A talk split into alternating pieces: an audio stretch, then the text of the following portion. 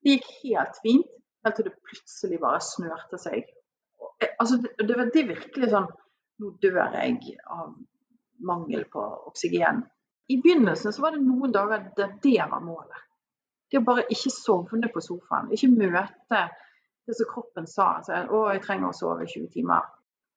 Og det gikk så grådig opp for meg at jeg skal jo prøve å få dette til å fungere. Livet mitt og kroppen min til å fungere. Jeg skal ikke vinne noen ting. Jeg skal ikke vinne en, en konkurranse i hvem som er flinkest til å komme ut av korona.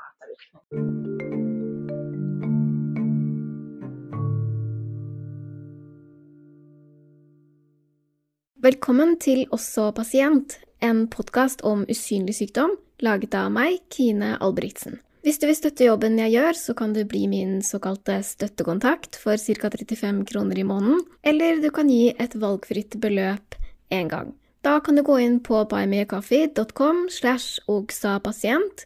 Du finner også linken i episodebeskrivelsen og i bioen min på Instagram.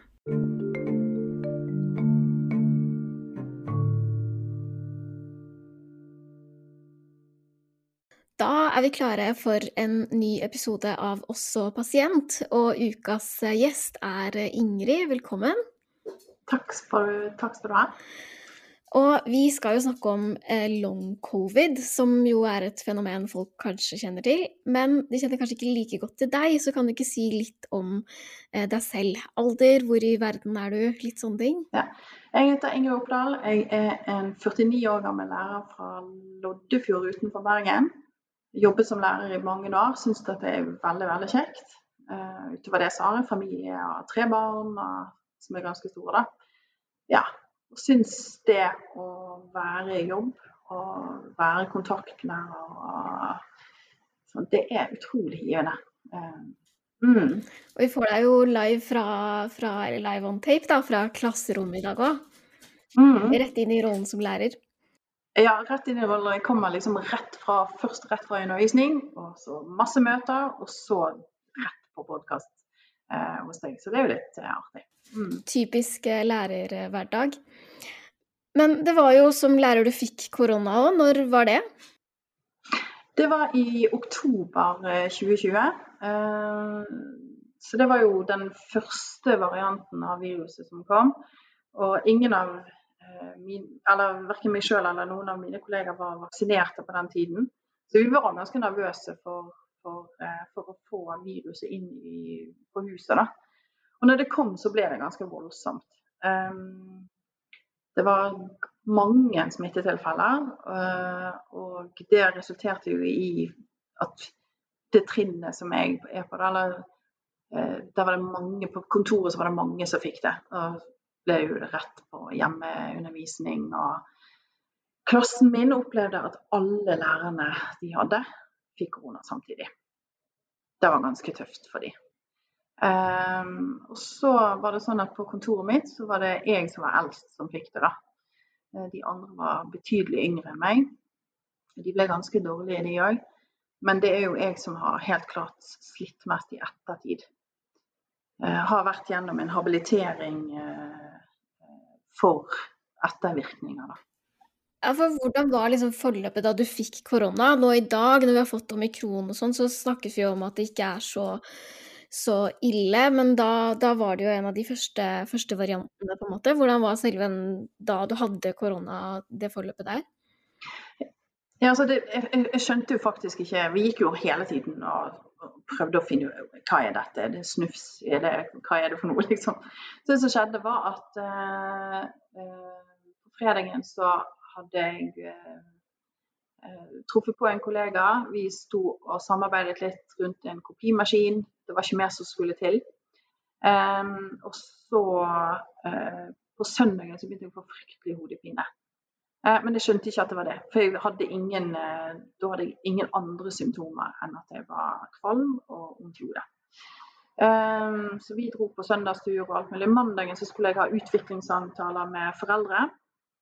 Uh, og Bergen kommune ønsket at vi skulle gjennomføre de fysisk på det tidspunktet. Uh, kun tilby hvis det var sånn.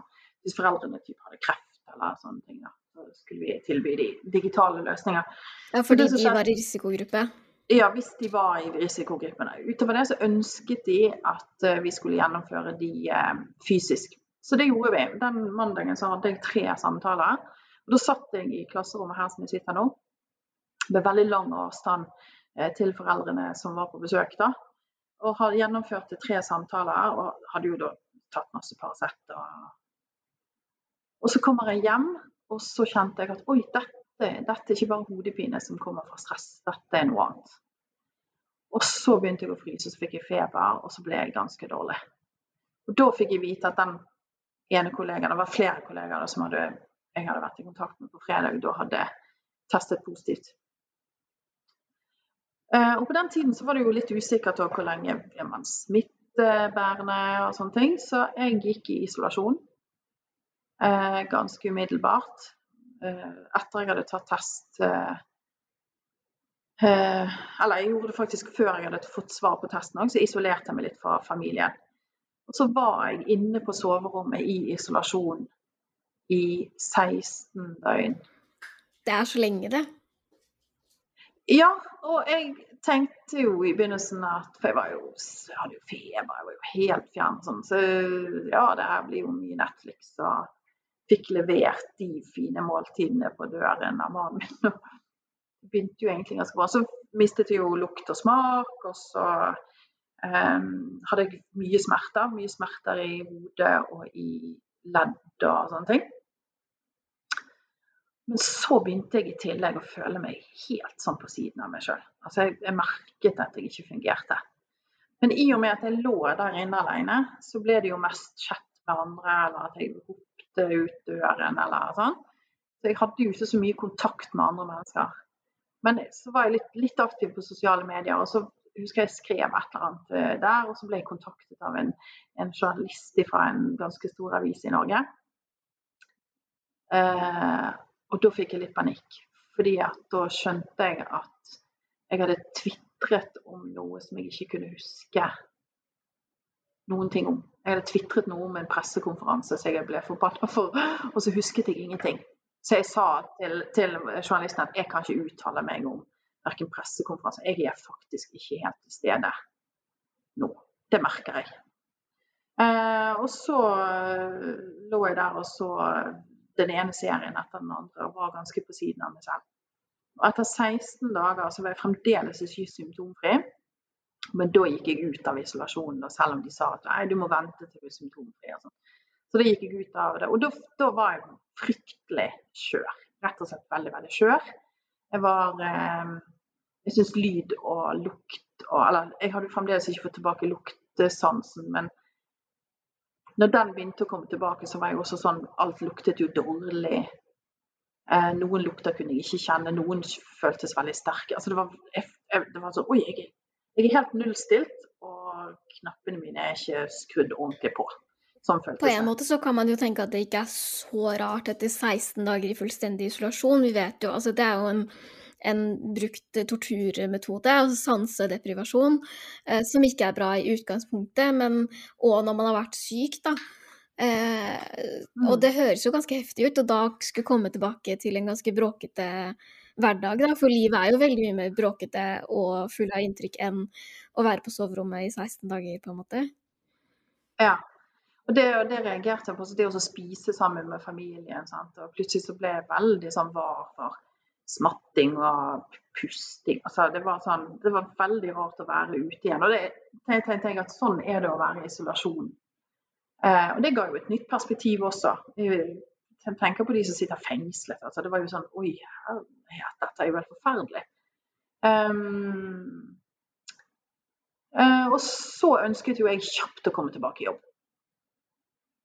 Uh, jeg er veldig glad i klassen min eh, og kollegaene mine. Jeg ønsket fort å komme tilbake ut i jobb. Og spesielt med tanke på at alle lærerne deres hadde også vært syke. De, jeg visste at de trenger meg. Jeg, jeg har dårlig tid, ikke sant. Og så kom jeg tilbake på jobb og hadde problemer med å gå i trapper. Jeg hadde jo ingen pust. Og jeg, jeg merket òg at jeg det var ting jeg ikke forsto eh, lenger. Jeg husket ikke hvordan jeg skulle gjøre helt enkle ting som å sende mail med vedlegg, eller lage lekseplaner. Så jeg måtte ha mye hjelp av kollegene mine. I tillegg så hadde jeg glemt navn. Og jeg er en person som kan lett huske 300 navn i løpet av et år.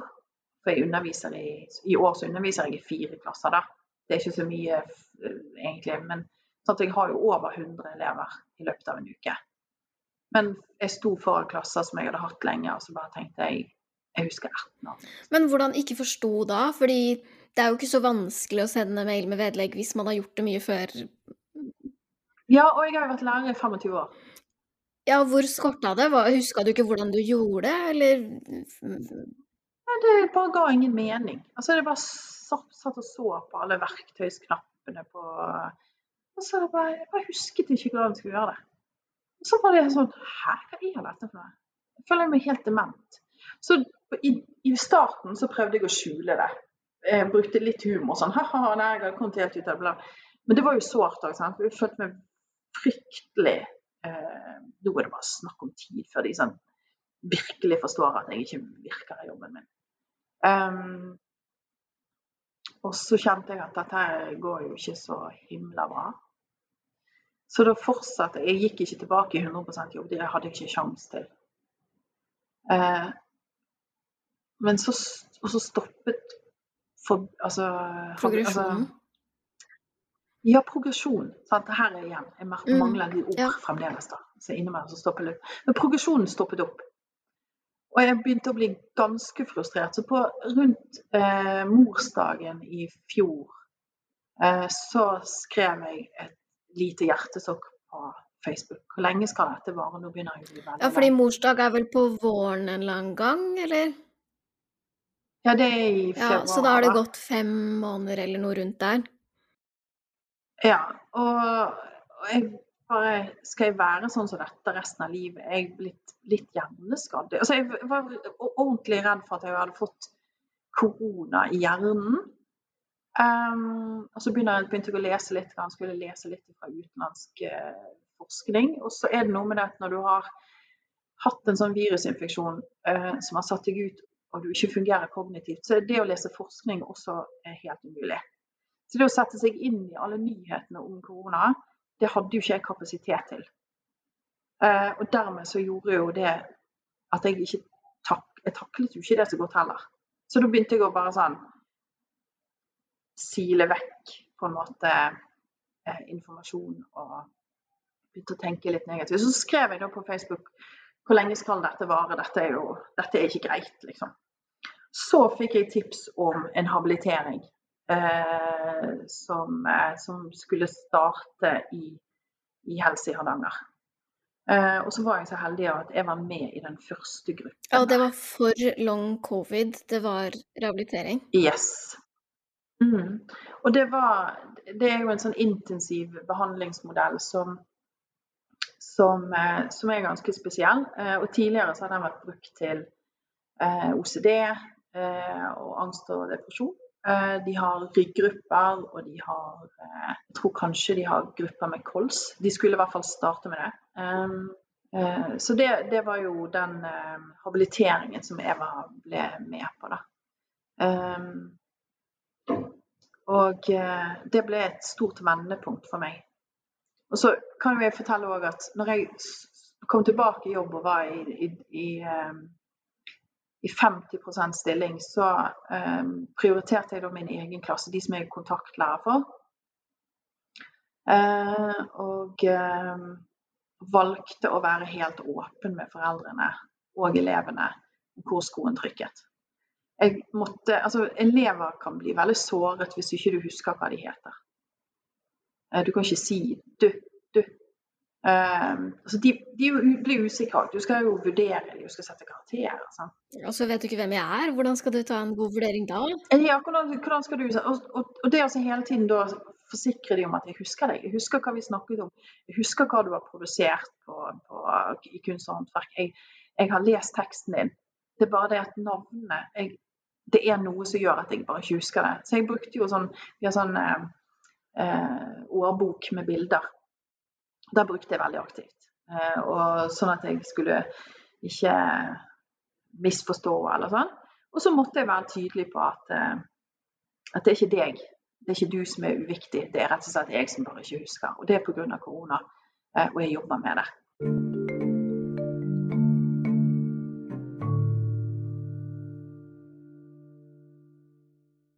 Og så var jeg jo åpen med foreldrene om dag. Hva sa de, eller hvordan, hvordan gjør man det når du på en måte har endra deg litt, da? Fordi da huska du ikke så mange ting, du kunne eh, glemme en del. Det høres ut som at du var eh, ganske sliten. Eh, hva gjør man da, for å si sånn hei, nå er det her skjedd, og her er ståa? Sant, og det er jo det. Og det er jo det, det? Jeg er jo en, i utgangspunktet en litt sånn følsom kunstnersjel. Uh, og jeg var jo hele tiden redd for at jeg ikke gjør en god nok jobb. Ikke se elevene nok. Ikke svare på Altså ikke være tydelig nok eh, med både tilbakemeldinger faglig og altså alle de tingene der. Og så det her å glemme ting. Sant? Av og til så glemte jeg også veldig viktige ting. Og det er jo litt krise. Så det gjorde at jeg, jeg skrev, jeg sender mail hver fredag til foreldrene. Og så var jeg veldig åpen og sa at jeg sliter med hukommelse. Hvis du ikke får svar på en mail, eller jeg har glemt noe viktig, så må du er det veldig fint hvis du bare minner meg på det. Fordi at jeg gjør ikke det fordi jeg ikke bryr meg, det er rett og slett fordi at jeg klarer ikke. Men jeg, jeg jobber så hardt jeg kan med å Og de har vært helt fantastisk støttende og fine både elevene og foreldrene syns, og ledelsen, eh, altså kollegene mine, og sånn, så jeg har vært veldig, veldig Og så har vi litt humor på det òg, da. Um, for det er jo en del uh, Det er en del situasjoner som oppstår som, som er rett og slett virker kanskje litt latterlig. F.eks. det at jeg har en leid For jeg klarer ikke å huske timeplanen min. Ja. Eh, det går litt bedre nå. Men vi har begynt med sånn timeplan som, som endrer seg fra uke til uke. Sånn oddetall og partall. Og ikke, altså, er det oddetall, er det partall? Ja, og så er det ikke så mye forandring, ja. men det er litt forandring. Sant? Så eh, jeg, jeg eh, har en, hatt en tendens til å gå inn og så starte andre sine timer. Ja. Og elevene er jo superhøflige, så de bare De ser jo at der kommer jeg vet du, full giver, nå skal vi lese Ibsen. Og så, og så har de egentlig matte. For det kom en tidlig, time for tidlig. Ja. Så, en del sånne ting. Men det kan vi på en måte le av. Det går helt fint. og Jeg er ikke så selvhøytidelig at jeg, jeg, begynner å grine av det, liksom.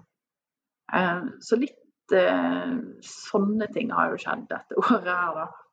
Ja, kommer det seg hvis man gjør det Altså jeg ville kanskje sett for meg at det blir bedre hvis man etablerer at det er greit å ha litt humor på det. For jeg vil jo tro at noen er litt sånn mm. OK, hva, hva, gjør vi eh, nå, da? Eller hvis, ja, hvis, du hadde begynt å gråte, da, og syntes at det hadde vært helt fryktelig, så, så hadde det også vært litt eh, fælt. Men jeg vil jo kanskje tro at det letter an, andres opplevelse av det, i hvert fall. Kanskje din egen, hvis du kan si mm. sånn Oi, ops, ja. der gjorde jeg det igjen, på en måte. Ja. Og så er det noe med det at jeg eh, gjennom den habiliteringen, det kan vi fortelle litt om etterpå, men, men, gjennom den habiliteringen så har jeg på en måte tatt noen aktive valg om hvordan jeg skal forholde mm. meg til dette. Um, og ser at uh, det kanskje er lettere fordi at jeg har troen på at det går fremover. For progresjon er der jo, selv om jeg fremdeles innimellom har litt afasi. Eh, og jeg syns det er vanskelig å diskutere fag, f.eks. For eksempel. um, fordi at eh, faguttrykk og litt uh, fremmedord og sånt, det plutselig er de bare vekk. Men det kan også skje med helt sånne vanlige ord. da. Og plutselig bare stopper det helt opp. Uh, men hvis jeg gikk rundt og hadde følelsen av at nå er dette en permanent skade, så tror jeg at det hadde vært vanskeligere å le av det. Uh, det som jeg merker at så lenge jeg jobber med de strategiene som jeg har lært meg, da, strategier for å huske, eh, for å på en måte stimulere hjernen til å bli bedre til å huske, så går det fremover. Selv om jeg som person, eh, spesielt i begynnelsen, ble veldig utålmodig. Jeg har lyst til at det skulle skje fort. Jeg vil at ting skulle komme på plass. Helst vil jeg bli en bedre utgave enn det jeg var før korona. liksom. Jeg ble veldig sånn selvkritisk da så ser jeg at det er progresjon. og da kan jeg godta at det tar litt tid. Ja, jeg kjenner meg veldig igjen i det i, i psykiatrien, da. Eh, kanskje mm. særlig behandling for spiseforstyrrelser, egentlig, hvor mm. når man først har kommet over kneika, som i hvert fall var en kneik for meg, da, og ville liksom gjøre noe med det, fordi at eh, det å ha en spiseforstyrrelse funker ofte ganske bra til det formålet, eh, så har det jo mange andre bivirkninger som gjør at det kanskje ikke er like lurt å fortsette med det. Mm. Men når man først har kommet dit at ok, nå skal jeg gjøre noe med det, så blir jeg jo kjempeutålmodig og tenker at det skjer ingenting. Og kan ha sagt eh, hver gang jeg har møtt en behandler kanskje i tre måneder at det skjer ingenting og jeg får ikke til noen ting, og så sier hun ja, men se nå var, ja. hvordan det var for fire måneder siden, og så er det sånn å ja, det har jo skjedd mange ting her. Ja, bare Det er vanskelig å se de små endringene, da. Ja, det er den bevisstgjøringen om, om at For det går litt sånn i rykk og napp men så kan det sige fremover sakte. Og den, man, den frem, progresjonen merker man ikke nødvendigvis så, så godt, da. Så, så det, det, er lurt av og til bare OK, hvor var jeg henne for to måneder siden? Hvor er jeg i dag? Absolutt å lete etter noen, noen konkrete tegn, da, for det er jo ofte ting som ikke kan måles nødvendigvis fra dag til dag. Ja.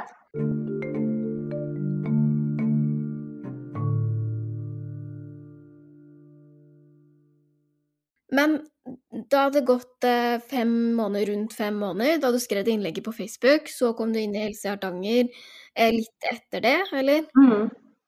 Eh, det gikk egentlig ganske fort, for de var interessert i å komme i gang med en gruppe ganske raskt for å teste dette ut.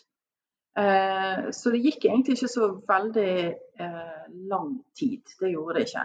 Så jeg var der inne på en, sånn testdag i mars Um, og det er en test, det, var, det grudde jeg meg veldig til. Jeg kom inn der inne, og så uh, var det jo test av lungekapasitet. Og det var sånn jeg, jeg, var sikker på at jeg skulle sitte på en sånn ergometersykkel og nesten dø. Så jeg grudde jo meg fryktelig til dette her. og måtte kjøpe meg nye treningsklær fordi alt var blitt for smått. og sånn. Jeg syntes det var flaut. og Uff, ja. Men så kom jeg inn der inne, da, og så var det mye sånn pust. Jeg så satt inne i en sånn maskin, og så skulle jeg dreve og puste så hardt jeg kunne ut. Og de målte metning, og det var sånne ting. Og så var det jo full sjekk av hjerte og EKG. Ehm, på den tiden så hadde jeg lest litt om at, kunne, at kunne, her kunne jo gi skader på hjertet og sånn. Så det var egentlig veldig deilig også å få testet ut det, da. Og så var det sånn, eh, gikk på tredemølle. Eh, og så økte de motstanden med, med litt oppoverbakke.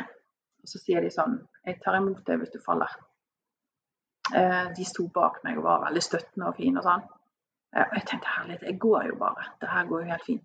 Men da skjedde jo det som pleide å skje hvis jeg tok meg litt ut eh, på jobb, eller på, hvis jeg var ute og gikk litt turer. Eh, gikk litt på, da. Fordi at det gikk helt fint. Det var ikke sånn som hvis du har dårlig kondis, så, det, så kjenner du at du blir litt og litt andpusten. Det gikk helt fint, helt til det plutselig bare snørte seg. Altså, det, det, det er virkelig sånn Nå dør jeg av mangel på oksygen. Eh, og det var såpass skremmende at da tenkte jeg at det her må jeg bare unngå. Dette er jo, ikke, dette er jo sikkert farlig. Um, og da gjør man jo det. Da kommer man inn i en sånn eh, tralt der det er eh, ganske utenkelig å begynne med noe opptrening, i hvert fall. Fordi kroppen forteller jo at det er farlig, dette her. I hvert fall så lenge du ikke er sikker på at det ikke er farlig, da. Fordi at når det er sånn at du presser deg litt, så føles som at du skal dø, så tenker du jo at eh, det ikke er så lurt å holde på med logisk nok, da. Men så fikk jo vi litt sånn forklaringer på hva som skjedde og sånn, og da var det sånn OK, da kan jeg faktisk velge å forholde meg dette med litt eh, eh, Altså ha hodet kaldt, da. I møte med dette, at dette er faktisk ikke så farlig. Eh, om, si, det var såpass enkelt at jeg kunne liksom se på testresultatene på at jeg, jeg får nok oksygen. Det er eh, maskinen forteller meg at lungene fungerer. Så det var sånn på det nivået. For det, det som jeg oppdaget der, eh, i den habiliteringsprosessen da jeg kom inn der, var det at kognitivt så fungerte jeg ikke såpass godt at jeg klarte å finne løsninger på noen ting sjøl. Eh, og det var, det var, en veldig ny opplevelse for meg. For det, når du har levd i nesten 50 år, så har man jo selvfølgelig møtt på, på utfordringer i livet. Og så eh, og, og, da er jeg litt sånn eh, Tenker jeg at vi må se om vi finner en bok om dette temaet. Liksom, hvis du har stått i vanskelige ting, så har jeg gått til kilden og prøvd å finne og lese litt. Og, eh, denne gangen her så var jeg helt clueless, rett og slett. Jeg, jeg lå på sofaen og, og, jeg skjønte rett og slett ikke hvordan jeg skulle gå fram for å gjøre noe med den vanvittige utmattelsen og smertene og alt håpløsheten. Jeg var bare helt eh, handlingslammet. da. Så jeg kom inn der, så ble jeg testet. Maskinen sa at hjertet var OK. Eh, lungene var OK. Eh, så dro jeg hjem, og så fikk jeg litt tid å tenke før det var en ny samling der inne med de andre deltakere. Og Da var det tre dager der inne sammen. Da fikk vi både informasjon, vi fikk dele erfaringer, og så sammen med behandlerne der inne så skulle vi prøve å finne et løp som passet for oss. Og det syns jeg var veldig interessant, fordi at der kom det folk inn som var veldig dårlige. Noen hadde lagt til respirator og sånne ting. Mens andre var også dårlige, men de hadde et helt annet utgangspunkt. Hvis du driver med idrett på toppnivå, men sliter med fatigue Du er i utgangspunktet Du bare ser at folk er veldig topptrente, liksom. Eh, så er jo det helt klart at de har et annet mål, og de har annet, en annen forutsetning enn en de som har lagt i respirator, og som er mye eldre og sånne ting. Hvordan var det da å se de andre Nei, og det var liksom jeg tenkte sånn For jeg, var, jeg trodde jo Jeg hadde en forventning om at vi skulle få et treningsopplegg som vi skulle følge. Det var forventningen min litt, da. At vi, nå skal vi, nå skal vi øh, jeg visste jo at vi skulle testes, vi skulle løpe litt i trapper blant annet. Og det var litt sånn eh, tester på Du vet sånn reise seg opp og ned fra en stol og se hvor mange hvor fort og så, Altså det var en, noen sånne ting. Men så var det å finne våre egne nøkler, da. Eh, og, og det, det, var veldig interessant. For dette, de var så forskjellige. De var så forskjellige hva vi trengte, egentlig. Men alle sammen trengte jo å jobbe seg ut av eh, fatigue, da, for det hadde alle. Og, eh, alle sammen hadde problemer med hukommelse. Eh, og alle sammen eh, kjente seg ikke igjen på en måte i situasjonen. Så vi var sånn Oi. Um, på den tiden så var det ikke så mange som snakket om dette med f.eks. hukommelsesproblemer eller kognitiv svikt. For på nyhetene så snakket folk om pust. For det er litt tryggere å snakke om. Uh, det er litt flauere å stå frem som uh, en som har plutselig en fungering som dement, på en måte. Eh, altså etter en stund etter jeg hadde vært der, så ble jeg intervjuet av NRK. Det var på Vestlandsrevyen, og da snakket jeg om dette med hukommelse og hvor vanskelig det var å komme tilbake i jobb. da. Eh, egentlig så skulle jeg snakke om Helse Hardanger. Eh, men så var det en setning som jeg sa eh, som de bet seg merke i, og det ble overskriften. Det var at når Ingrid kom tilbake på jobb, så husket hun ikke hva elevene het. Så det var liksom overskriften. Og det var helt greit at det var overskriften, men jeg syns jo det var litt flaut. Sant? så, så, så men det har ikke gjort noen ting. Jeg har ikke fått noen annet enn en støtte og, og, positiv tilbakemelding på det å være åpen på akkurat det. Jeg har eh, nå i ettertid så det, har det vært mer fokus på dette med kognitiv fungering og hukommelse i forbindelse med long-covid, eller ettervirkninger. Eh, så det, for meg var det riktig å være åpen, og det var deilig å kunne møte andre som slet med det samme, uten at vi skulle på en måte marinere oss i, i å snakke om symptomene og hvor vondt har du, og hvor trøtt er du, liksom. Altså, det var hele tiden snakk om anerkjennende på at eh, på ettermiddagen etter vi hadde hatt informasjon og vi hadde hatt eh, litt eh, øvelser snakket om det bevisste nærvær, være til stede. Og, så hadde vi gjerne litt tid før vi skulle møtes til middag. Eh, og det som gikk igjen, var jo at alle sleit med å holde seg våkne. For eh, de fleste hadde jo bare lyst til å sove hele tiden. Jeg kunne jo sove på den tiden, så kunne jeg sove 20 timer i døgnet. Det var ikke noe, det var sånn, kroppen var sånn helt ekstremt eh, fysisk depresjon, følte jeg jeg hadde da. Det var, det var ingenting. Det var helt sånn. Og det å hjelpe hverandre da. Ikke sånn sånn nei, nå må ikke du fy-fy og gå og legge deg på hotellrommet. For hvis det var det vi trengte, så gjorde vi det.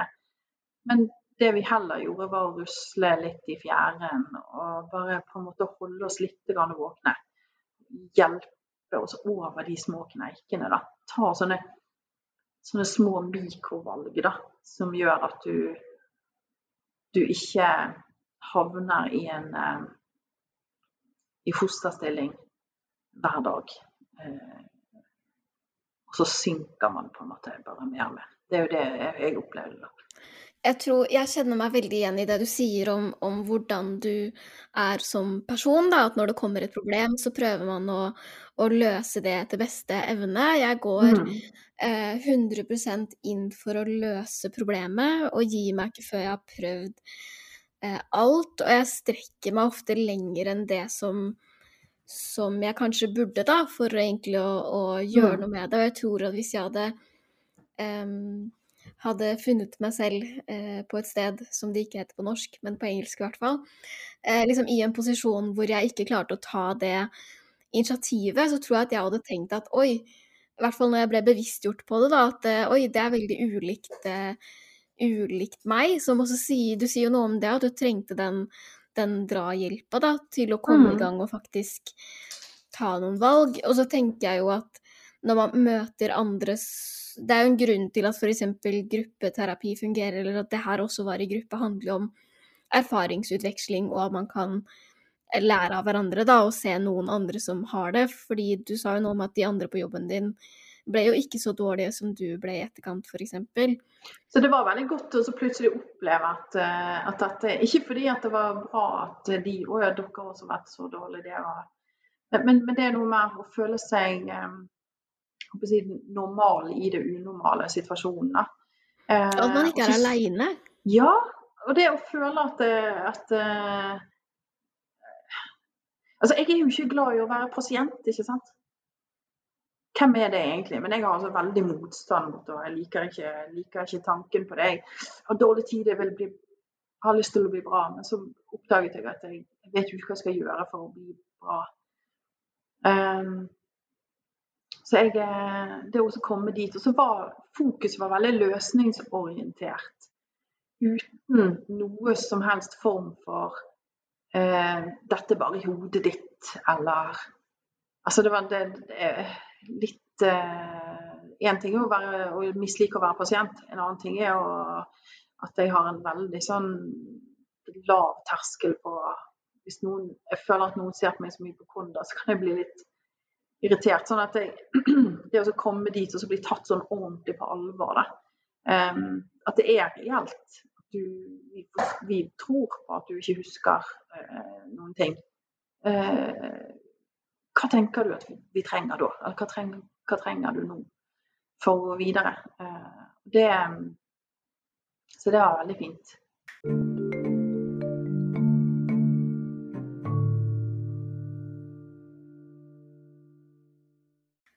Når du var der, så snakka dere jo en del om, om, om hva, du, hva du trenger, og du var eh, du var redd for å måtte trene masse, slite deg ut. Det skjønner jeg jo når, når du er var altså ikke sikker på at det ikke var noe alvorlig, eh, og at du kunne sove 20 timer i, i døgnet. Eh, nå er det jo en litt høyere prosentstilling på jobb, og du sier jo noe om at det har gått fremover. Eh, ja. Hva, hva skulle til? Altså når du først fant ut av OK, jeg kan faktisk gjøre noen ting her for at det skal bli bedre. Hva, hva ble på en måte ja, det, det, det, som jeg kan si, det er at jeg fikk en sånn Jeg ble jo veldig motivert eh, og full av håp eh, i den eh? Der inne i Helse Hardanger så, så var det jo eh, fysioterapeuter, det var psykologer, det var ernæringsfysiologer, det var lege. Og var ganske, de var ganske grundige mennesker. Det var flere av hver på en måte, flere fysioterapeuter. Det var liksom, de, de sto så utrolig parat for å på en måte, hjelpe og svare på spørsmål og sånne ting. Og så kom jeg inn der inne, og dette er liksom flaut å innrømme, men jeg kom inn der inne med en sånn litt cocky eh, innstilling på ett felt. Og det var det at eh, jeg sa det at jeg trenger hjelp til å jobbe meg ut av dette, men eh, jeg føler ikke at jeg Jeg har ikke utviklet helseangst i forbindelse med dette, sa jeg. Det er så flaut å innrømme det. Så, um, men jeg er mer helsebekymret. Det var akkurat som jeg hadde lyst til å krympe den problemstillingen litt. Altså, jeg syns jo det var hyggelig at de var der, men de sa ingenting på det. Um, men så kommer det jo frem at uh, symptomene på på ettervirkningene hadde begynt å forme eh, hva jeg gjorde i hverdagen. På hvilken hadde, måte da? Nei, jeg hadde begynt å legge ganske mye begrensninger på, meg selv. Jeg hadde begynt å, Det ordet energiøkonomisering, det var en ting som min mor snakket med meg Hun, hun har hatt eh, sånn eh, hjerteproblematikk. Sant? Og det er sikkert ganske riktig der. Men det jeg begynte å gjøre, det var jo at jeg begynte å monitorere utfordringene sant? og smerter og sånne ting. Så gikk jeg i sånne planer. Nei, hvis jeg gjør det, da blir jeg sikkert så sliten uh, at da blir det uaktuelt. Nei, jeg må være litt forsiktig. Altså, så, med sånn. Altså, nei, det kan jeg gjøre. Da får jeg sikkert vondt i hodet. Så jeg hadde begynt å faktisk la ettervirkningene styre mye mer av livet enn det jeg var klar over. Og de rundt meg hadde begynt å ta enormt mye hensyn. Så jeg lå og sov på sofaen, og de gikk rundt og var stille, på en måte.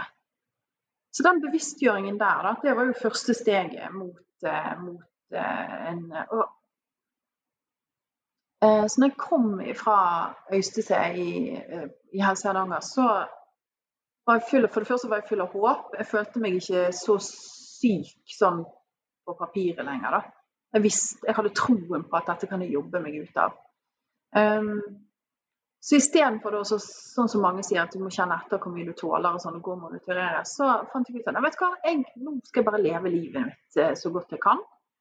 Og så skal jeg prøve å bare Jeg bare, jeg bare gønner på. Så vi bestilte et stillas og vi skulle male huset. Så 8. mai da gikk vi i gang å male det gamle 60-tallshuset vårt på tre etasjer.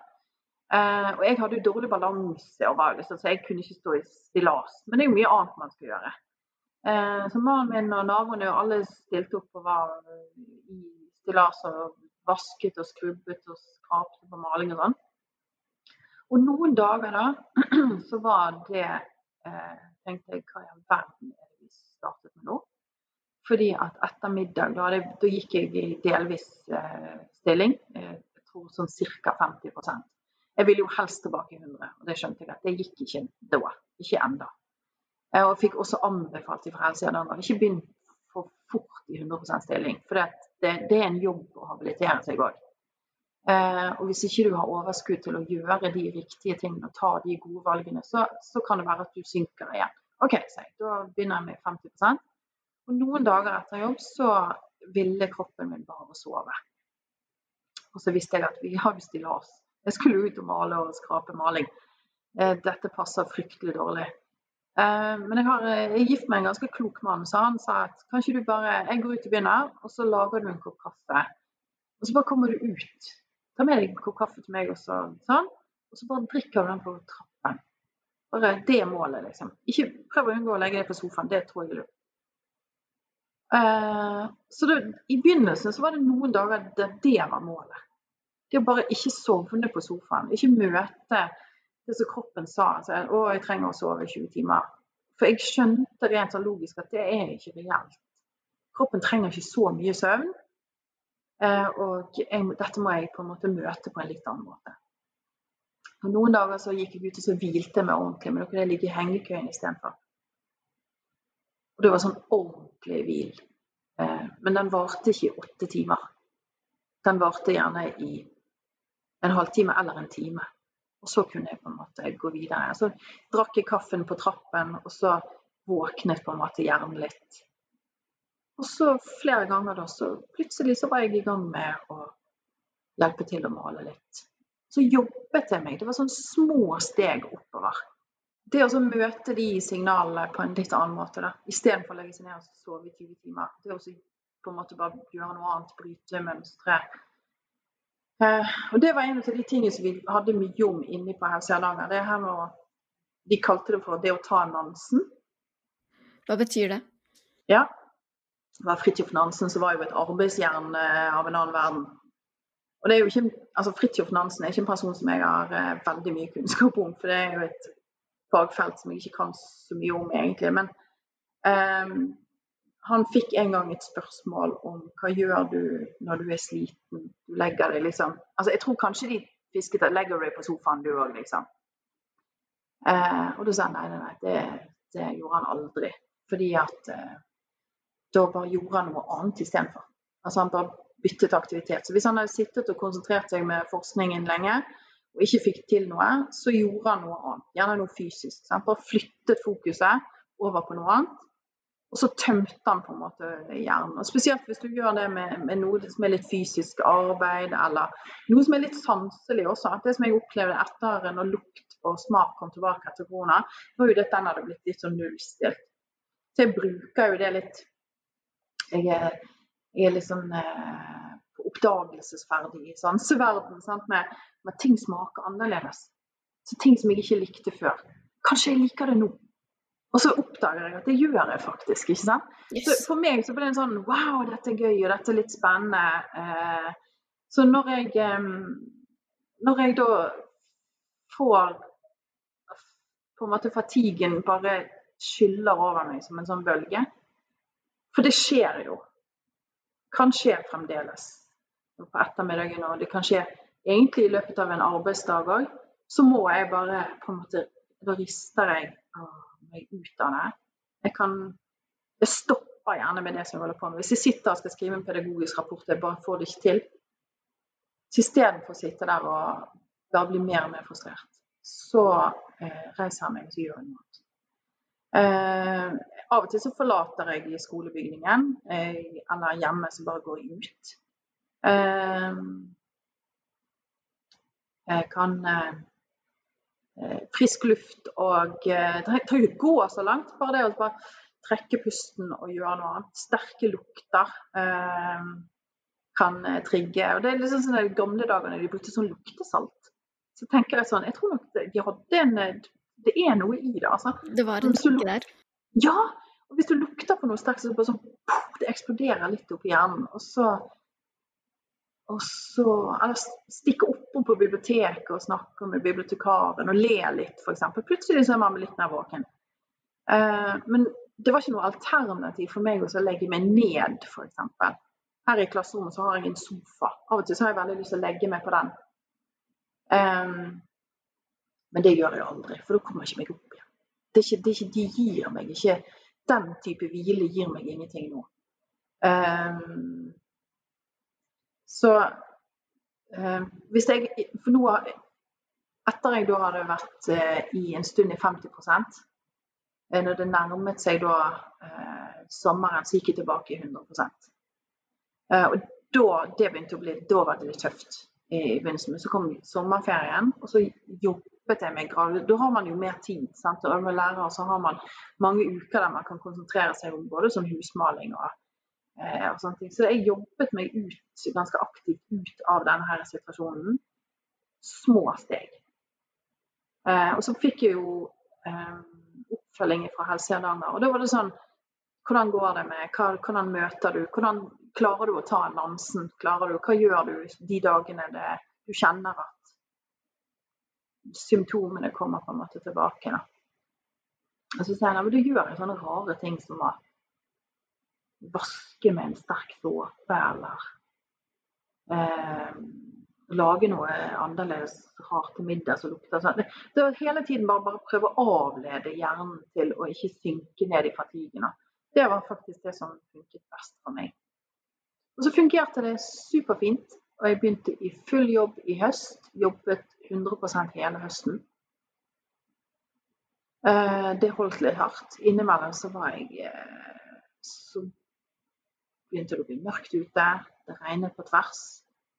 Jeg har en veldig snill mann som begynte å kjøre meg til jobb. Eller så tok jeg bussen. Og det er to stopp. Det er ikke langt. Men den gåturen den trenger jeg om morgenen. Så det som skjedde, var det at utpå på høsten, det nærmet seg eh, jul, så begynte jeg å synke. Eh, og da tror jeg at det kan være lett å tenke at ja ja, den habiliteringen hjalp litt. Men uh, det hjalp ikke, jeg ble ikke frisk. sant? Mm. Men istedenfor så, så tenkte jeg um, at oi, der kom, det, der kom, det, her tilbake. Hva er det jeg har gjort nå? Så, eller hva er det jeg ikke har gjort som, som jeg egentlig trenger, da? Og så oppdaget jeg at det er et minimum med fysisk aktivitet for jeg klarer fremdeles ikke Jeg har ikke begynt å trene. Sånn trene-trene. Sant? Men et minimum med fysisk aktivitet, det er jeg helt avhengig av. Så det å gå til jobb, selv om det regner på tvers og snør og er skikkelig bedritent, det må jeg bare gjøre. Um, og når det blir stress på jobben, hvis det er mye som gjort, skal gjøres og sånn, da er jeg nødt til å uh, være ærlig ordentlig ærlig med å si det. Dette får jeg ikke til, dette blir for mye for meg. Så i høst, når ting begynte å, jeg begynte å sige igjen, så tok jeg noen grep. Da begynte jeg å gå til jobben igjen. Så var jeg ærlig med kollegaene mine og gikk inn og sa at jeg klarer ikke å jobbe full undervisningsuke og så ha utviklingssamtaler på ettermiddagen i tillegg. Det klarer jeg bare ikke. Bare det å snakke så mye. Jeg klarer ikke det. Eh, og de bare Ja, men selvfølgelig skal vi tilrettelegge. Så da overtok kollegaen min eh, åtte av mine samtaler. Eh, og, og, fikk litt timer for det. Og, og, altså det, var, det, var så, det så lett å være ærlig når man blir møtt på en sånn ålreit måte da, av sin nærmeste leder. Det er jo det jeg trenger, egentlig. Det er ikke et stort grep, men det lille grepet gjorde at jeg ble jo ikke sykemeldt. Det tror jeg jo lett kunne skjedd. Veldig lett. Eh, så det som skjedde, var at jeg klarte meg frem til jul, og det gikk jo superfint. Og så var jeg sliten i julen. Eh, men, men istedenfor å gi seg hen da, og bli helt sånn Å nei, nå, nå blir jeg dårligere igjen. Det vil si at jeg var ikke blitt frisk igjen. For jeg tenker at det som jeg sliter med nå, det, kom, det har jeg akseptert at det må jeg jobbe med over tid. Eh, og eh, det med å møte stress på en hensiktsmessig måte og en smart måte, det er noe som jeg er nødt til å håndtere resten av livet. Eh, tror jeg, da. Eh, det, det, var litt sånn Jeg vet ikke hva slags ord det heter på norsk, det er litt flaut å gi norsk der, men sånn empowering.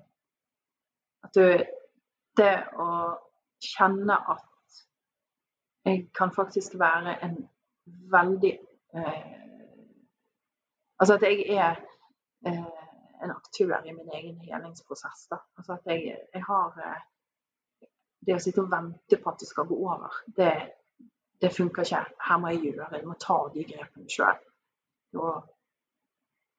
Være et minimum fysisk aktiv, ha strategier på å huske.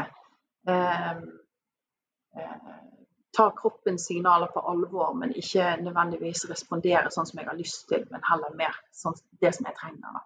Sånne små ting som, som eh, Så får jeg sånn app, eh, har en sånn app da, fra Helse Hardanger som eh, jevnlig sender meg en oppdatering. Og jeg reagerer ganske negativt på sånn Du vet sånn klokke som du har på sånn Hvis du har en sånn som så folk som treningsklokke. sant? Ja, pulsklokke som gir deg beskjed om å sånn, gå, stå opp og stå eller et eller annet. Ja, og så sånn time to move. Mm. Da kan jeg bli veldig irritert. Det er, sånt, det, det, det er, ikke motiverende. Det er heller ikke motiverende med sånn um, uh, Hvis jeg hadde fått et treningsprogram der det skulle være som jeg skulle måle progresjon uh, Hvor mye tåler du nå, hvor, mye, hvor fort gikk du der? altså Sånne ting. da. Det er konkurranseinstinkt det kicker jo ikke inn hos meg, jeg blir bare irritert. Um, mens eh, appen fra Helse Hardanger, eh, den stiller meg spørsmålet hvor mye har eh, symptomene fått styre hverdagen din? Eller hvor mye, hvor mye, har symptomene ikke fått styre? Hvor mye har, hvor mye har symptomene styrt hverdagen din? Uh, og i hvilken grad har du klart å bruke teknikken om å ta en annonsen? Det å avlede seg selv og ta gode mikrovalg. Da. Uh, de to spørsmålene, det, det, er jo sånn Hvis jeg, en, hvis jeg er da inne i en sånn liten dal, så er det også istedenfor å legge seg på sofaen og så, så går jeg ut med kaffekoppen. og så setter jeg meg ute i hagen og så drikker jeg den. Og så klarer jeg på en måte Det er jo å vinne den dagen. Men hvis jeg skulle plottet det inn i et sånn treningsprogram eh, med progresjon, så hadde jo det vært en dårlig dag. Forstår du meg? Og det gikk så grådig opp for meg at jeg skal jo prøve å få dette til å fungere. Livet mitt og kroppen min til å fungere. Jeg skal ikke vinne noen ting. Jeg skal ikke vinne en, en konkurranse i hvem som er flinkest til å komme meg ut av koronaettervirkninger. Jeg skal bare prøve å leve et liv som, som gjør at jeg faktisk har det greit. Uh, og der er jeg nå. Jeg syns det er veldig fint og, og, verdt å på en måte Verdt å tenke litt på. eh, fordi jeg tror det er noe med Det er jo ubehagelig å ta, ta valg som går på tvers av det du føler at du har lyst til. Når man føler at man må sove i 20 timer, så er det jo ikke nødvendigvis så lett å trosse det, både fordi at man er trøtt og sliten, men også fordi at det virker som det mest logiske å gjøre. Eh, og så skal det ikke så mye til, fordi eh, jeg kan også være ganske sliten. Nå når vi spiller inn, så har det jo akkurat begynt å bli litt eh, vår. Jeg bor litt utafor eh, Oslo, så det er fortsatt litt snø her, men det er sol der hvor utemøblene mine står. Og da har jeg tenkt sånn OK, hvis det er sol i dag, da skal jeg gå ut og sette meg der.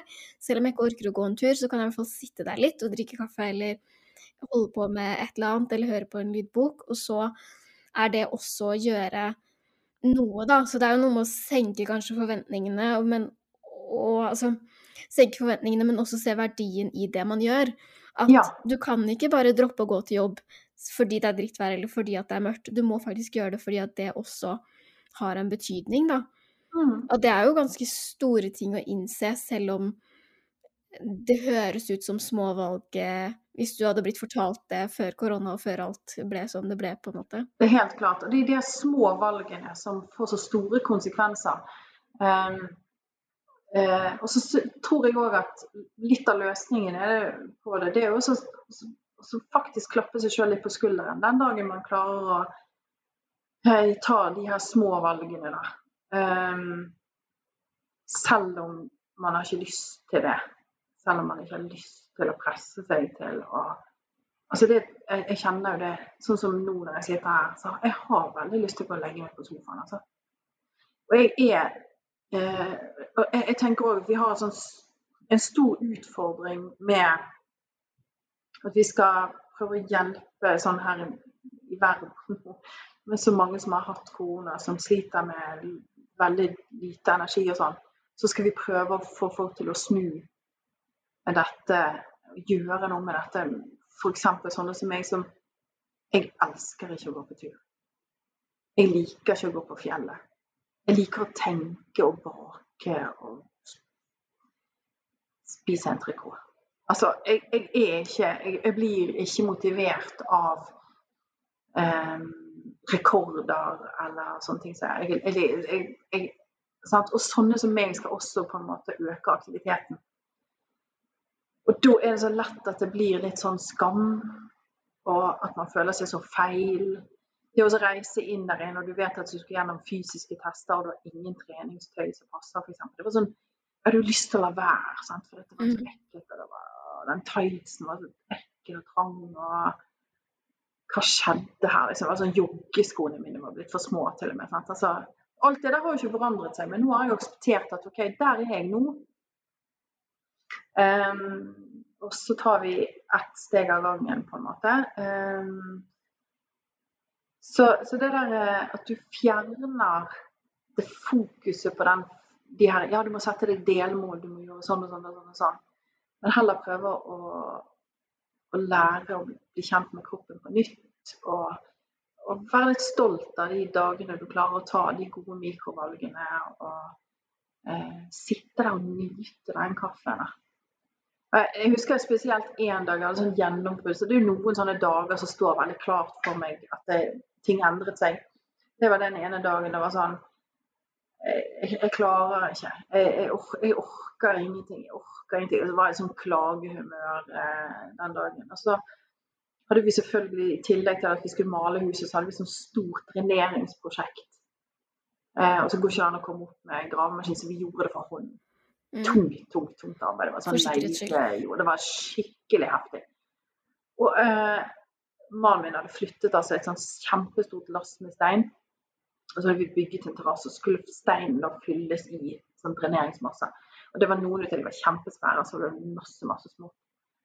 Eh, og jeg var så sliten den dagen. Eh, han bare 'Jeg går ut og begynner, kan ikke lage litt kaffe?' Og så bare kommer du ut, og så ser vi hva du gjør. Du trenger i hvert fall litt luft.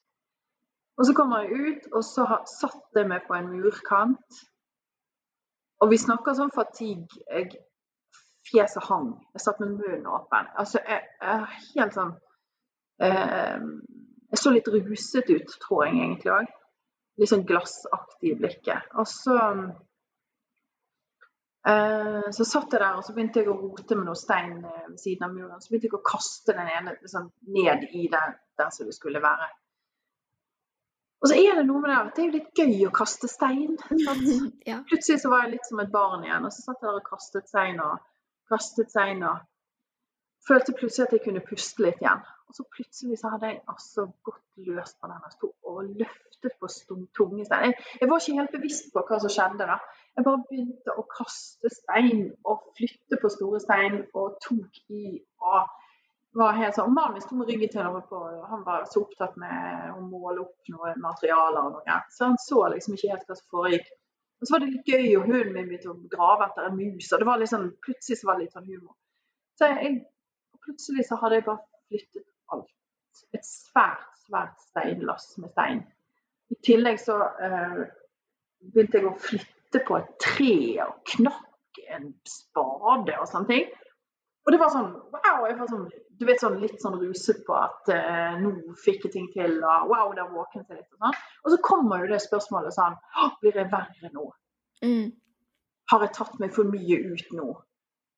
Um, og selvfølgelig får man jo gangsperr. Altså, jeg hadde jo ikke løftet en, en tung ting på månedsvis. Og det er jo naturlige ting. Uh, så istedenfor å få litt sånn panikk med det, da, så, så um, klarte jeg å på en måte bare se det for det det var. Og så ja, dagen etterpå tok jeg det litt mer med ro. Men, uh, men det, var sånn, det, var en veldig deilig opplevelse å uh, bare bli helt sånn revet med igjen. og en time før så satt jeg med munnen åpen og bare måpte, liksom. Ikke sant? Så det, det, er sånn Og dette er jo helt uforklarlig. Jeg, jeg, jeg, kan ikke forklare dette. Uh, det funker å ta annonsen, da? Ja, det, det, det, gjør rett og slett det. Og målet mitt var jo ikke ut og flytte hele den, eh, den haugen med stein. For det hadde jo ikke gått. Hvis jeg hadde hatt som mål å si at innen denne uken så skal du flytte alt den tunge steinen, så hadde jeg mer sannsynlig blitt litt motløs. Så det var litt sånn der, for jeg, var ikke klar over hvor mye klarer du, hvor sterk er du nå. Um, jeg trodde at jeg var svakere enn det jeg var da. Mm. Så bare går jeg ut og tenker jeg kan begynne å kaste litt, fylle i litt sånn. Jeg kan i hvert fall prøve å bidra litt. Og så fikk jeg den følelsen av at oi, jeg, jeg virker faktisk litt bedre enn jeg tror. Det er, det er ikke så gale som det er. Det er jo veldig fint, og veldig også mm, det her med oppnåelige mål, da. Å tenke at OK, jeg skal, jeg skal, gå ut med den kaffen, og så ser man hva det blir til. At det er bedre enn å, enn å tenke at du skal løfte all, all den steinen, f.eks.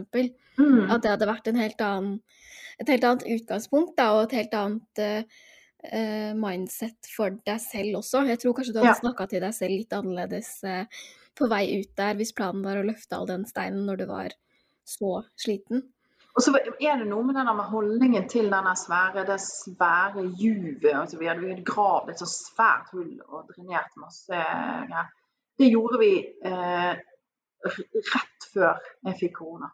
Og så hadde det da stått som et sånt stort, stort, svart gjørmehull i hagen eh, i alle ni måneder. Og det her hadde jeg gått og sett på. Og det, det, er jo helt klart at det gir en sånn følelse av at Se her, dette klarte vi ikke. Jeg, jeg har ikke bidratt med noen ting. Jeg, altså, og det, det, kan gi veldig sånn negative følelser.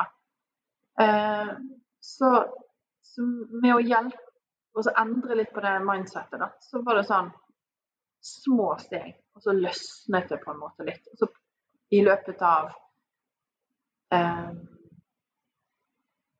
I løpet av mai så hadde vi da lagt terrasse på over de store drenerte massene. Eh, og jeg snekret jo ikke der, men jeg var jo den som kom med kaffe. Ja. Bidro med litt, jeg òg, da. Eh, og så løsnet det, og da klarte jeg å være med og male. Ja, og at man kan gjøre noe, da.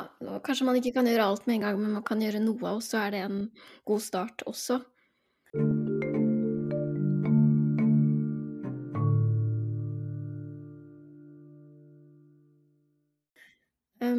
Um, sånn avslutningsvis, er det noe du har tenkt at du kunne ønske at folk visste? For nå er det jo litt mer snakk om om eh, long eh, covid, men hva har du liksom tatt med deg, eller hva føler du at folk, eh, folk burde, burde, vite?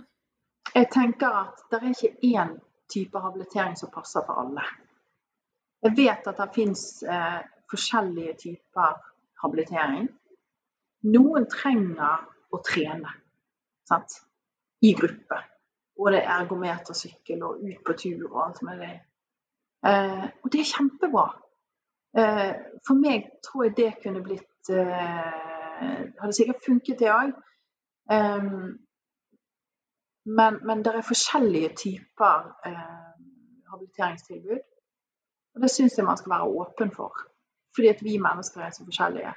Og så tror jeg òg at det her er de fire dagers intensive, eh, intensive behandlingen Det blir jo en slags snuoperasjon mer enn en intensiv behandling. For det er jo, ikke, det er jo ikke det det er snakk om. Det er mer en en hjelp til å finne lure strategier på å møte de utfordringene man står i. Eh, det det eh, syns jeg at flere skulle hørt om. Flere skulle fått oppleve det. Eh, og kanskje mest av alt fordi at jeg syns det var en eh, Opplevelsene som vi Eller det som vi slet med, følte jeg ble veldig validert. Jeg syns det ble De snakket om at nå skal vi prøve å, tilpasse hver enkelt. Det, det, det forsto jeg egentlig ikke hva innebar. For å være helt ærlig så trodde jeg at da skulle jeg få et treningsopplegg som var på en måte designet til meg. Hvor mange repetisjoner med sånn og sånn og sånn. Men det handlet ikke om det. Det handlet om hva er det du trenger, Ingrid, for å Vi kunne ikke overført mine strategier til alle de andre. Vi kunne ikke si sånn Det er lurt å drikke kaffe på trappen og kaste stein og male hus. For det hadde vært kanskje helt fullstendig feil for andre. Eller at jeg hadde fått beskjed om at det hadde vært lurt å gå mer på fjellet og begynne med eh, crossfit. Eh, men begynne litt rolig. Altså, altså jeg, jeg, vet ikke. Det, det, er noe med å overføre Du vet jo hvordan det er. Sant? Man får jo så mye råd. Sant? Absolutt. Yoga, ja, jeg har prøvd yoga. Og det virker ikke mot alt alltid. Sant? Altså, du kan bli så matt. Man føler seg så dum og feil når man får råd. Så da er jo, da er jo det, det, de spør om på. Hva, hva er det du trenger? Hvem er du? Hva trenger du? Og så viste det seg at når jeg kom inn i det med den litt cocky innstillingen på at jeg ikke trengte psykolog fordi at jeg, jeg, jeg hadde ikke helseangst, så hadde jo jeg faktisk fått litt helseangst. Jeg var bekymret for at dette er noe som har ødelagt hjernen min. Um, så jeg hadde mange spørsmål som gikk på det mentale også. Hva gjør jeg nå med hva, og så, gikk alle gikk og snakket om det med long covid. Ja, vi vet jo ennå ikke. Det er jo en ny sånn og sånn og sånn. Så vi sa vi vet jo veldig mye om hvordan kroppen reagerer på andre typer virus. Eh, vi vet jo hvordan det er med, med borreliose, kyssesyke og sånne ting. Det er ganske likt. Så det er jo all grunn til å tro at dette vil Men vi må møte det på en riktig måte. Det er ikke lurt å brenne seg helt ut eller kjøre for hardt ut, f.eks. Jeg som var så utålmodig, ville rett tilbake i jobb. Fikk beskjed om nei, det tror ikke vi Kanskje du skal vurdere å ikke gjøre det. Gi deg sjøl litt bedre tid. Sånne råd. Det syns jeg var veldig fint.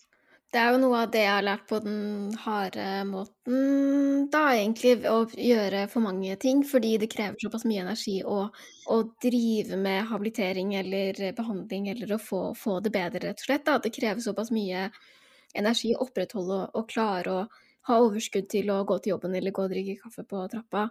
Eh, at det er noe med å, å ha energi til det òg, rett og slett, som er lurt, da. Selv om det kan ja. oppleves eh, kjipt i starten. Helt klart. Og så har jeg jo lært veldig mye som jeg på en måte kunne ønske at jeg kunne før korona kom også.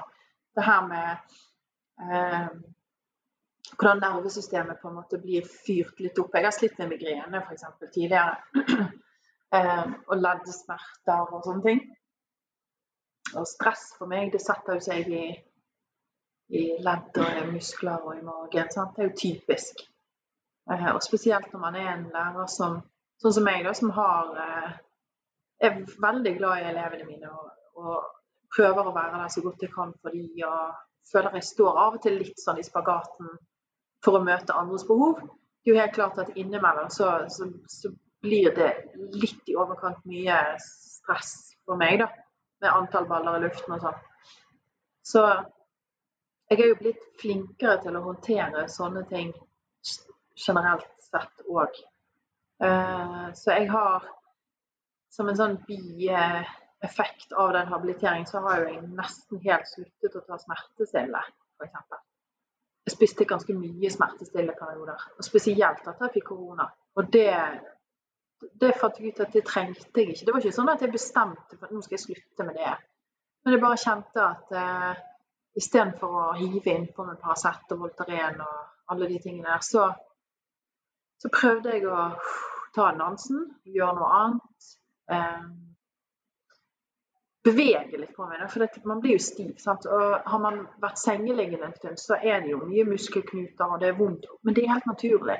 Man er jo ikke ødelagt av det. Sant? Altså, så det å prøve å møte de tingene istedenfor å eh, Istedenfor å tenke at nå må jeg ta mer smertestillende, f.eks. Eh, så ikke være så rask på labben. Så det har faktisk forandret flere ting enn bare habilitering etter korona. Det høres jo ut som eh, i, i, frykt for å gå i klisjéfella, så høres det ut som at du har blitt eh, litt mindre hva skal jeg si, fordømmende på en måte overfor deg sjøl, og samtidig ja. aksepterte og fått vite at du kan gjøre noe med en del ting da, som du kanskje ikke tenkte før. Og det er jo bra. Mer enn, mer enn jeg hadde tenkt at man kunne forvente av en, en long covid-habilitering. Men, men det, det, det, det, var noen sånne såre omveier rundt å komme til den erkjennelsen. da. Eh, jeg er jo en sånn typisk sånn som har lyst til å være flink. Jeg har lyst til å være flink i habiliteringsprosessen også. Sant? Eh, og så syns ikke jeg at jeg hadde vært noe særlig flink til det. Jeg syns at jeg hadde sutret mye og, og ja. Jeg satt inne i Hardanger der, og så gikk det opp for meg at, eh, at jeg hadde ikke vært så flink som jeg burde. Fordi at jeg hadde ikke skjønt hva jeg trengte. Og så var det først litt sånn sårt, men så var det også en sånn men nå skjønner jeg litt mer. Nå, dette er faktisk første steget. Og det å bli litt sånn glad i, i å vise litt raushet med seg sjøl, da. Men så var det helt greit at jeg ikke taklet det så godt. Men nå vet jeg bedre. Nå, nå, fra nå kan jeg gjøre noe annet. Nå velger jeg det. Uh, så det, det, det, har, det har gitt meg et litt nytt blikk på flere ting enn bare korona-ettervirkninger. Jeg har fått et mye, mye mer eh, det her med folk som har vært i isolasjon, eller som er kronisk syke Jeg, jeg har en ydmykhet for det som de står i. Jeg har ikke lyst til at, eh, å fremstå som en som har liksom sånn nyreligiøs, og nå skal jeg fortelle deg, hvis du bare begynner å ta Nansen og ta Nansen hele tiden og ta gode mikrovalg, så går det over. For det er jo en prosess. Eh, og det, det, var veldig tydelig for meg når jeg hørte den podkasten din om det med kronisk smerte. Den syntes jeg var veldig god. Eh, fordi at eh, det er veldig lett å ha meninger om, om hvordan man skal håndtere ting. det er vanskelig å se for seg du har stått i det selv. Både med kronisk smerte og med, med kognitiv svikt.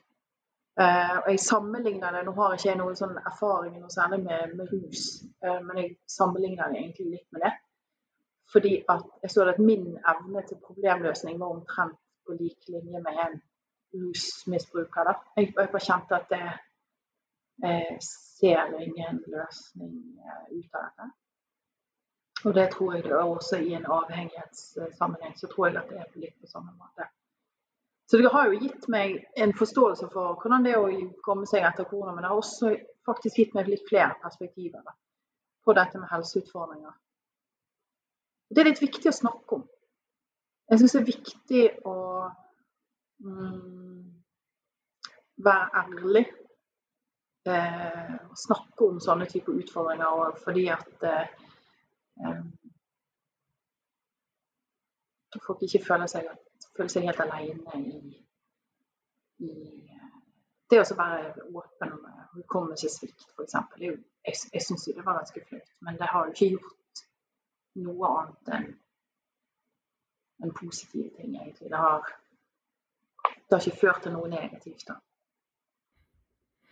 Jeg syns det er eh, kjempefint, og jeg tror jeg har fått eh, mye ut av å, å prate med deg og høre dine erfaringer. Jeg tror, håper at de som hører på, også eh, har fått det. Så jeg syns det er eh, ja, veldig, veldig fint, rett og slett. Og, og, nyttig, da, fordi man har ikke hørt så mange pasienthistorier om long covid enda, så jeg er veldig glad for at jeg fikk lov til å eh, være med og dele din, i hvert fall. Så tusen takk for at du ville være gjest. Takk for meg. Det var veldig kjekt å prate med deg òg. Og da er det bare én ting igjen å si, og det er ha det bra. Ha det bra.